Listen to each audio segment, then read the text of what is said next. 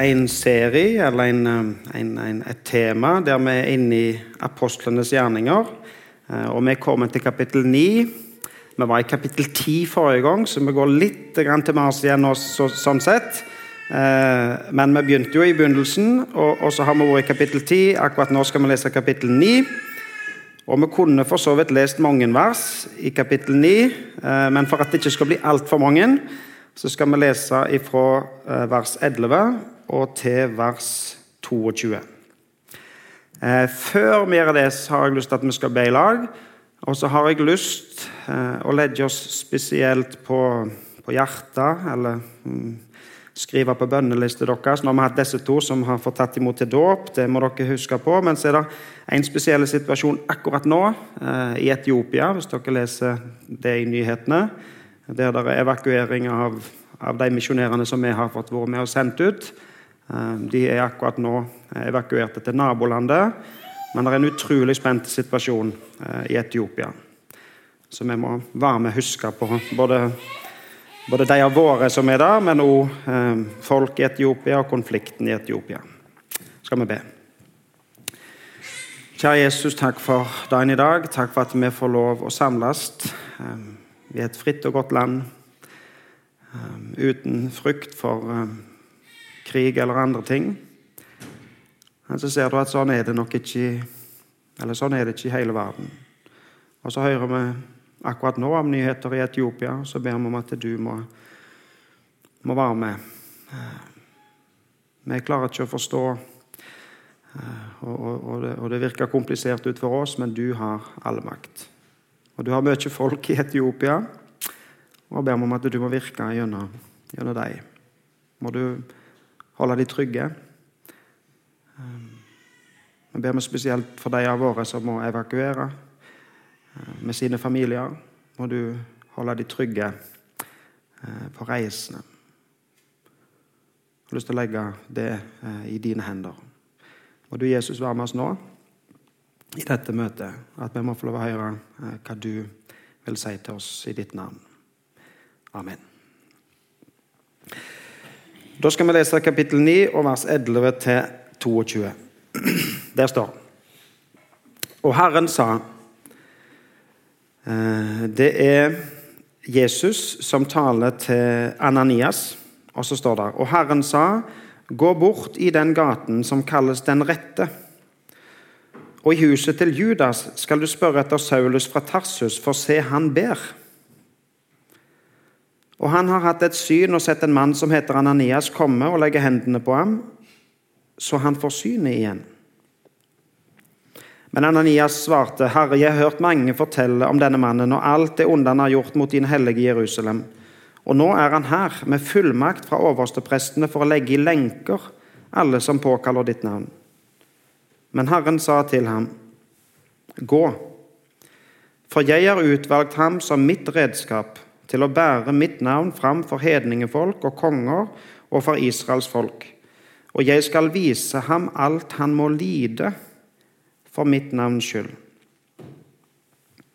Da gikk Ananias, og han kom inn i huset, la hendene på ham og sa, Saul, min bror, Herren selv, Jesus, som viste seg for deg på veien hit, han har sendt meg for at du skal få synet igjen og bli fulgt av Den hellige ånd. Straks var det som om skjell falt fra øynene hans, og han kunne se. Han sto opp og ble døpt. Så spiste han og kom til krefter. Han ble noen dager hos disiplene i Damaskus, hvor han straks forkynte Jesus i synagogen og sa, 'Han er Guds sønn'. Alle som hørte på, ble forundret og sa, 'Er ikke dette han som i Jerusalem vil utrydde alle som påkaller dette navnet?' Kom han ikke hit for å føre dem i lenker til oversteprestene? Men Saulus fikk stadig større kraft, og jødene i Damaskus ble svar skyldig da han viste klart at Jesus er Messias. Historien her i, i kapittel 9 eh, handler jo om, om, Paulus, eller Saulus, eller Saul, som han, eh, som han også eh, kalles med her. Um, han er kanskje den eh, hovedpersonen i denne boka, apostelens gjerninger. Paulus, Peter Det er for så vidt mange store personer, men det er mange kapitler i, i apostelens gjerninger som, som handler om eh, Paulus. Og det som Paulus fikk lov å oppleve etter denne hendelsen. Det er for så vidt ikke helt første gang vi møter Paulus i, i denne boken, for vi har møtt han én gang tidligere, i slutten på kapittel 7, begynnelsen på kapittel 8. Der eh, ser vi at Paulus eh, var til stede eh, når Stefanus ble steina. De tok Stefanus eh, og tok livet av han. Um, og, og, og, Paulus eh, satt og passte på kledene til de som, som utførte dette. står der. Eh, og Paulus var enig, altså han deltok på en måte i, eh, i drapet på Stefanus. Og Så møter man igjen her, da, i kapittel 9, eh, som blir kalt for Paulus sin omvendelseshistorie. Og faktisk Denne hendelsen som er i kapittel 9 her, som jeg leste, har, har sin egen dag i kalenderen vår. Hvis du, hvis du, har en kalender som har med alt på en måte i, Eh, i, i si, både kirkekalender og alt sånt, eh, eh, så er det en egen dag den 25. januar som, heter, som en minnedag for Paulus' sin omvendelse. Så til og med i si, middelalder og sånn tidligere, i den norske kalenderen, så var det en minnedag for Paulus' sin omvendelse den 25. januar. Det er um, en, en, historie som er blitt fortalt mange ganger. Paulus sjøl forteller den mange ganger. Og han er blitt fortalt og referert til uh, i mange sammenhenger og, og, og over, ja, helt opp, opp, til nå. Så det er en forholdsvis kjent historie. Paulus sin omvendelse. Hva er omvendelse?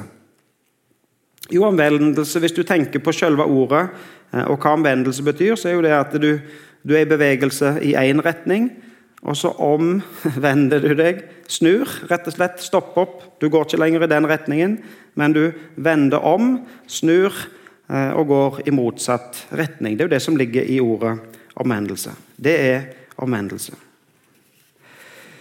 Hvem var han her, Paulus? Jo, Paulus han var oppvokst i en by som heter Tarsus. Han var, han var håndverker. Han hadde nok sannsynligvis lært håndverket fra far sin. Eh, så han var oppvokst i en håndverkerfamilie. Han ble på en måte lærling i den samme eh, bedriften da, som, som faren var i. Eh, og håndverket til Paulus det var sy telt. Og så det ikke på en måte, Han jobbet ikke på XXL, altså han jobbet ikke for camping og turistnæring. sånn sett, Men, men, men telt der, altså Tenk i Israel på den tid der du skulle ut og gjøre et stykke arbeid, eksempel, og det var sol og varmt, og du måtte ha skygge. Eller du skulle stå på markedet og selge varer og måtte ha skygge. Eller du skulle for så vidt gjerne ut og seile og trong en seilduk for den del, eller et, en, en, en, plass å, uh, å krype inn under og få, og få, skygge. Eller du skulle oppholde deg over tid en eller annen plass og trong skygge. Og for så vidt gjerne vern imot mot regn og vær, sånn sett. Så han var teltmaker. Han sydde telt.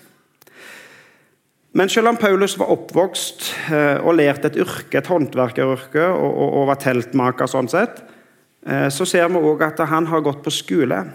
Han var eh, utrolig intellektuelt begavet. Han var nok sannsynligvis veldig tidlig interessert i å studere Skriftene, studere eh, Det gamle testamentet, studere Bibelen. Og han har fått utrolig god skole. Han har gått i skole i han som heter Gamaliel, eh, som var en høyt respektert eh, rabbiner, lærer, professor, kall det i vår tid, eh, og som hadde sine elever. Og Paulus var en av elevene til han Gamaliel. Interessant nok, når vi møter Gamaliel i, i, i Bibelen, så ser vi at Gamaliel han anbefalte for så vidt en ganske fredelig løsning på hva gjør vi med disse kristne. Hva gjør vi med disse som, som nå skaper så mye uro eh, for dette, dette, budskapet om Jesus? Så sa Gamaliel hvis dette er fra Gud, så kan ikke vi stoppe det. Men hvis det ikke er fra Gud, så dør det ut av seg sjøl. Så Gamaliel han anbefalte egentlig en ganske fredelige Da kan vi jo se. La det, la det gå, så ser vi. Mens eleven hans, Paulus, han reagerte på en helt annen måte. For Paulus han ble jo eh, der står, Han kaller seg selv for nidkjær. Eh, vi ville gjerne kalt det for fanatisk. Han var på en måte en fundamentalist. Han var en som tok saken i egne hender, og han var overbevist om at nå gjorde han Gud en tjeneste eh, når han forfulgte de kristne. Og han, fikk, eh, han gjorde det på si, juridisk vis og fikk brev og fullmakt fra de som bestemte på at han kunne sette de kristne i fengsel. Og Han gikk inn i hus og, og, og drog ut både kvinner og menn og sette dem i fengsel. Og var en, en, en ekstrem fundamentalistisk forfølger av eh, de kristne. Og så møter Gud han. Så møter Jesus han. Han, han som han forfølger.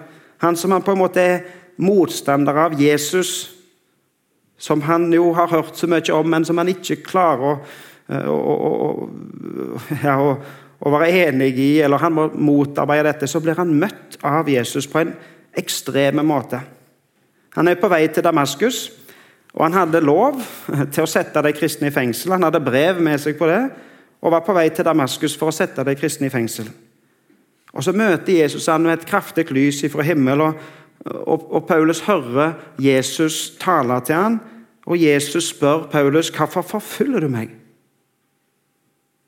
Så møter Paulus den Jesus som han forfølger. Og etter opplevelsen så blir Paulus blind. Han, klarer, han kan ikke se. Og han er blind i tre dager. Og mens han er blind i tre dager um, så ber han til Jesus. Og hvorfor i all verden ble han blind? Hva skulle poenget være med at han, han ble blind?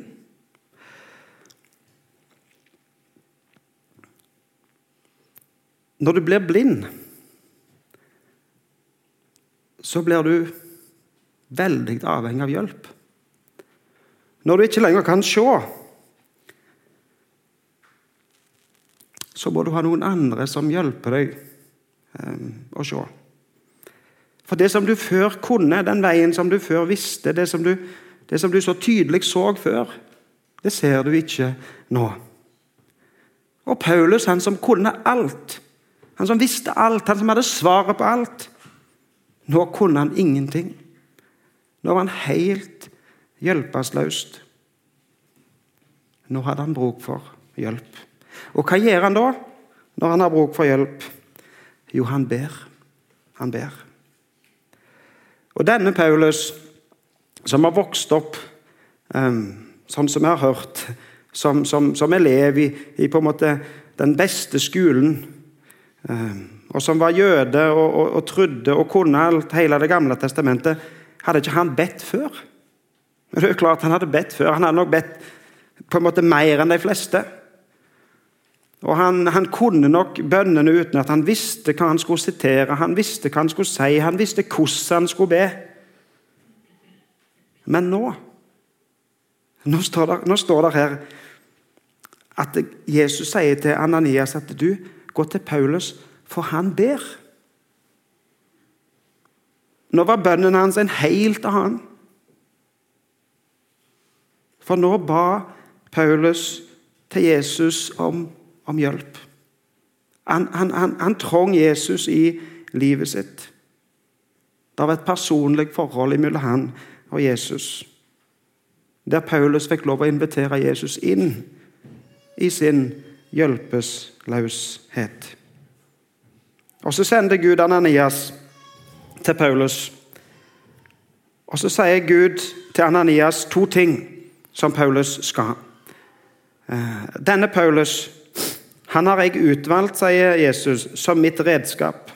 Paulus er mitt redskap til å bære mitt navn fram for hedningefolk og konger og for Israels folk.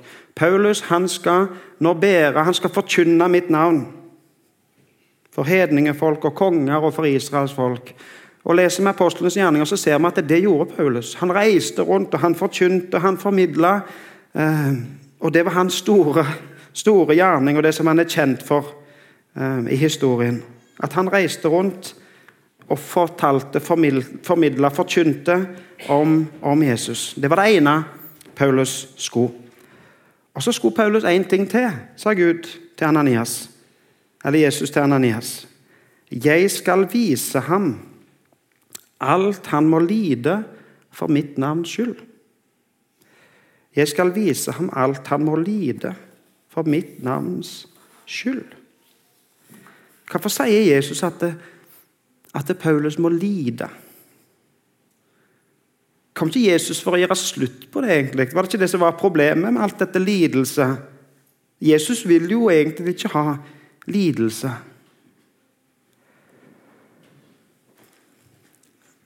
Det står noen underlige ord i Hebreabrevet 2. Nå skal ikke jeg lese dem, Dere kan lese dem selv hvis dere vil, men det står noen ord som, som noe sannsynligvis er vanskelig å, å, å, oversette til norsk, vil jeg tro. For det, det oversettes på litt forskjellige måter. Eh, og Hvis du leser engelsk og norsk og sammenligner, så ser du ja, hva, hva man tror, hva menes her? Men det handler om Jesus, og det handler om frelsen som Jesus vant for oss.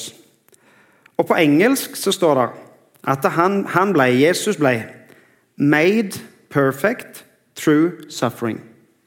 Made perfect true suffering. Og På norsk så står det Frelsens opphavsmann nådde fullendelsen gjennom lidelser. Så Det er noe som gjør at det kanskje det er vanskeligere å oversette til norsk enn til engelsk. det vet jeg ikke. Men jeg syns det engelske er jo ganske mye tydeligere kanskje enn det norske. Made perfect, gjort perfekt gjennom lidelse. På nå står det 'nådde fullendelsen gjennom lidelser'. Men poenget, uansett hvordan det oversettes, poenget er egentlig det at Jesus òg gikk gjennom lidelser. Ikke engang Jesus unngikk lidelse. Og grunnen til at han gikk inn i lidelse står det videre her i Hebrevet 2. Det står at han gikk inn i lidelse for han være, så at han kan være barmhjertig, og så at han kan hjelpe. Så at han kan være barmhjertig, og så at han kan hjelpe. Så at han kan ha omsorg for oss i våre lidelser. For det var derfor han kom. Det var derfor Jesus kom. For å hjelpe meg og deg i vår nød i våre lidelser. Og egentlig i den ytterste lidelse og den ytterste nød, for å frelse oss. Paulus han skriver noen plasser om hvor mye han må lide, om hvor mye han må gå gjennom. Og Han skriver f.eks. i 2. Korinterbrev 11 så skriver han at jeg har hatt større strev, vært oftere i fengsel, fått flere slag og mange ganger vært i dødsfare. Av jøden har jeg fem ganger fått de 40 slagene på ett nær, og tre ganger har jeg blitt pisket, og en gang steinet, og tre ganger har jeg lidd skipbrudd. Og jeg drev en gang et helt døgn rundt på havet. Stadig har jeg måttet reise omkring i fare, på elver og i fare blant røvere, i fare blant landsmenn og i fare blant utlendinger, i fare i byer, i fare i ørkenen, i fare på havet, i fare blant falske søsken, i slit og strev, ofte i nattevåk, i sult og tørst, ofte fastende og uten klær i kulden. Alt dette har Paulus opplevd. Lidelse. Men når Paulus skal beskrive lidelsen, så beskriver han i tillegg noe mer. Han skriver videre akkurat det vi leste. Så skriver han i tillegg til alt det andre eh, har jeg det som daglig ligger på meg omsorgen for alle menighetene. Hvem er svak uten at også jeg blir svak? Hvem faller fra uten at det brenner i meg? Altså Paulus sier jeg har, har opplevd mye lidelse, sånn fysisk, legemlig på kroppen. Men den aller største lidelsen for Paulus er det som han kaller omsorgen for menighetene. I Romerbrevet 9 så sier han jeg bærer stor sorg i hjertet og plages uavbrutt. Og hva er det han plages av? Jo, han sier jeg ønsker av hjertet og ber til Gud at de må bli frelst. At de må bli frelst. Det er det som har plaget han mest.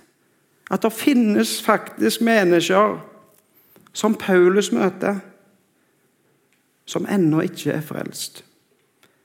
Og det er hans største smerte, hans største lidelse. At de må bli frelst.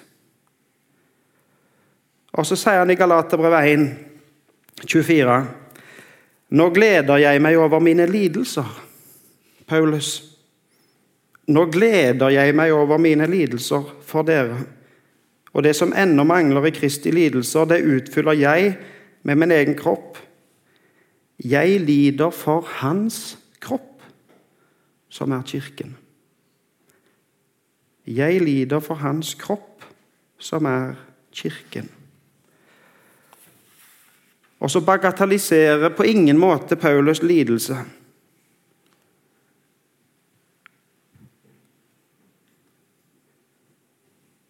Og Jesus sjøl ønsker um, å være en hjelp i vår lidelse.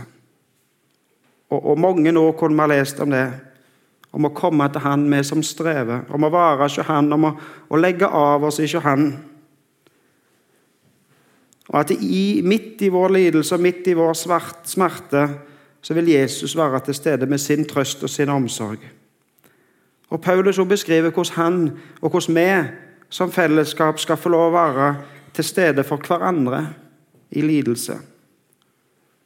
Og da vi opplever vonde ting og vanskelige ting, så skal vi få lov å gi omsorg og ta imot omsorg fra hverandre. Og så sier han òg at den største lidelse det er det at det er så mange som går fortapt. Det er så mange som lever uten Jesus, uten håp, uten frelse. Det er det som ligger Paulus tyngst på hjertet.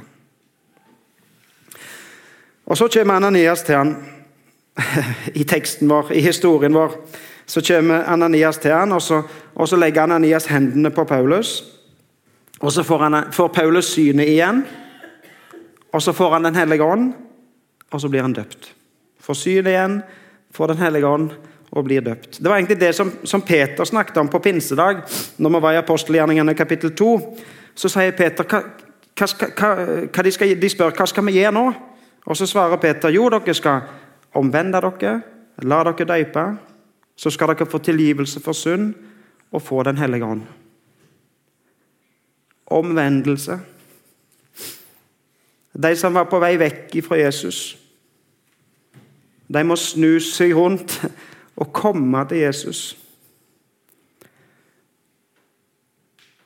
Og når de snur seg rundt og kommer til Jesus, så skal de la seg døype. Kom til Jesus. La deg døype. For Jesus han har noe han vil gi. Han vil gi tilgivelse for synd. Han vil sette fri. Han vil løse ifra alt det der vonde og vanskelige. Tilgivelse for synd. Og så vil han gi Den hellige ånd. Den hellige ånd inn i våre liv. Seg sjøl. Han sjøl levende i våre liv.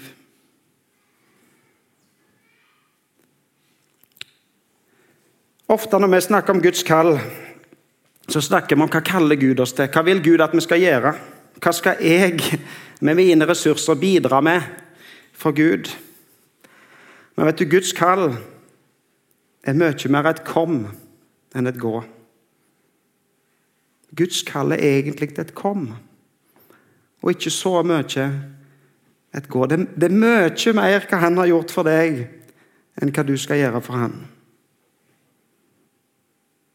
Og Derfor er Jesu kall til oss jeg kom til han. Med, I dåpshandlingen her i dag så, så, fikk vi lest en tekst fra Matteus 28. Vi kaller det teksten for misjonsbefalingen. For vi er vant med å tenke at det her sier Jesus hva vi skal gjøre.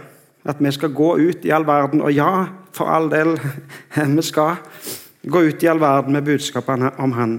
Men hvorfor leste vi den i dag? Jo, det er jo fordi at den kunne vi egentlig like godt kalt kalt dåpsbefalingen. som misjonsbefalingen. For Jesus inviterer hele verden, alle mennesker, inn til han. Og bli døpt til hans navn og tro på han, ta imot han, leve livene i lag med han. Og Det siste verset vi leser i, i historien vår i dag, så står det at Saulus fikk at Paulus, Saulus fikk stadig større kraft. Saulus fikk stadig større kraft. Hvor fikk han denne kraften fra? Hva var det som gjorde at han fikk sånn stor kraft? Jo, Paulus hadde fått tatt imot Den hellige ånd. Den hellige ånd virka i Paulus sitt liv, sånn at han fikk stadig større kraft. Og Den kraften som virka i Paulus, den gjorde sånn at Paulus kunne vise klart Du kan slå opp verset senere, men det var det siste verset vi leser i dag fra apostelgjerningene 9. Så står det at han fikk stadig større kraft, og han viste klart at Jesus er Messias. Med stor kraft så viste han at Jesus er Messias. Han som var helt hjelpeløs, han som ikke kunne noen ting, men bare i bønn til Gud inviterte han inn i livet sitt. Han som levde hele livet sitt på en måte i, i lidelse og i all slags ting som vi på en måte nesten ikke kan forestille oss av vanskelige ting som han måtte gjennomgå. Han fikk stadig større kraft. Han viste at Jesus er Messias. Jesus er frelseren. Det som Paulus opplevde da, det gjorde at han fikk stadig større kraft. Så kan det hende du har noen sånne opplevelser. Det er jo svært få forunt å ha sånne ekstreme opplevelser som Paulus hadde. da. Men det, jo, det kan jo tenkes at du har noen sånne opplevelser i livet ditt. Tenk at du har en opplevelse i ungdommen eller for jeg vet ikke hva tid i livet, sånn sett, og det spiller ikke noen rolle. Men, men, men den opplevelsen, eller de opplevelsene, heller det? Eller, må, eller, var det på en måte bare én gang, og så, og så heller det ikke mer? Jeg har tenkt den siste veka på um, Hvis du noen gang har vært i lag med mennesker på, som lever um, på slutten av livet um, og fått snakket med dem. Jeg, jeg, har no, jeg, har noen få sånne opplevelser der jeg har snakket med mennesker som, som har visst at nå går det mot slutten. Um, og på onsdag var en sånn sånn eh, opplevelse. En sånn dag. Ikke fordi at jeg var til stede sjøl, faktisk, men jeg har, jeg har fått gjenfortalt det. Um, en person på over 90 år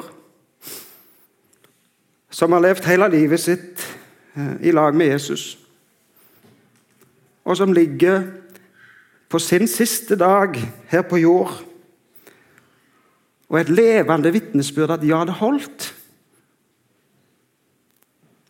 Det som jeg har levd på hele livet, det holder. Til og med i møte med den skal du si, ytterste lidelse, til og med i møte med døden, så holder det. Hvis du skal måle styrke på noe, hvis du skal måle hvor sterkt noe er, et tau eller en, en bygning, eller, altså, så må jeg på en måte eh, Så kan du måle styrke på forhånd, men det er jo først etterpå at det på en måte, si, handlingen er utført, at du egentlig vet om det var sterkt nok. Altså Du kan sikkert regne på forhånd hvis du skal bygge et nytt bedehus, eller hva du skal. Så kan du regne styrkeforhold og hvor mye, hvor tjukt må det være, og hvor mye vi må bruke. og sånt, um, For at det skal stå. For at dette byggverket skal holde. At det skal bære alle folk som sitter her, og at det skal ytre påvirkning og you name it. Men det er jo egentlig først når bygget har stått i 100 år, du vet om du gjorde rett den gangen du kalkulerte.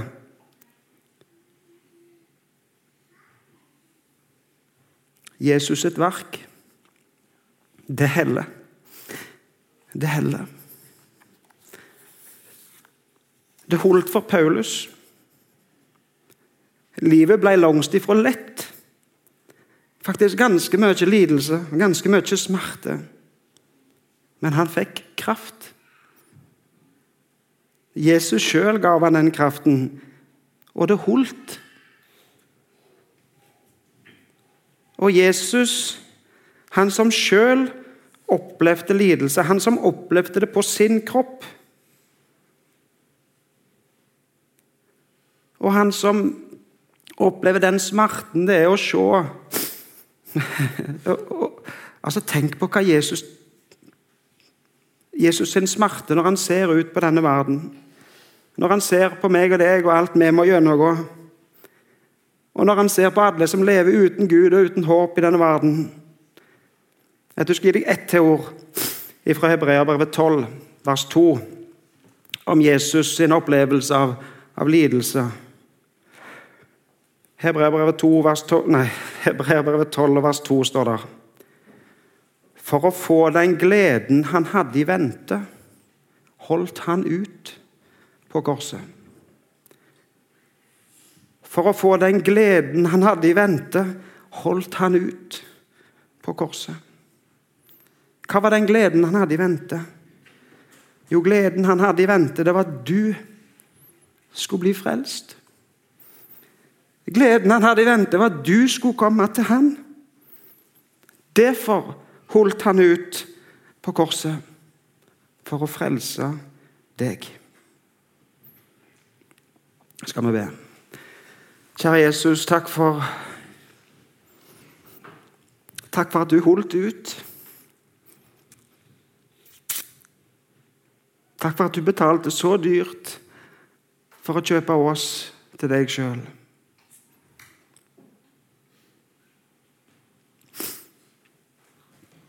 Takk at du kan hjelpe oss i vår lidelse.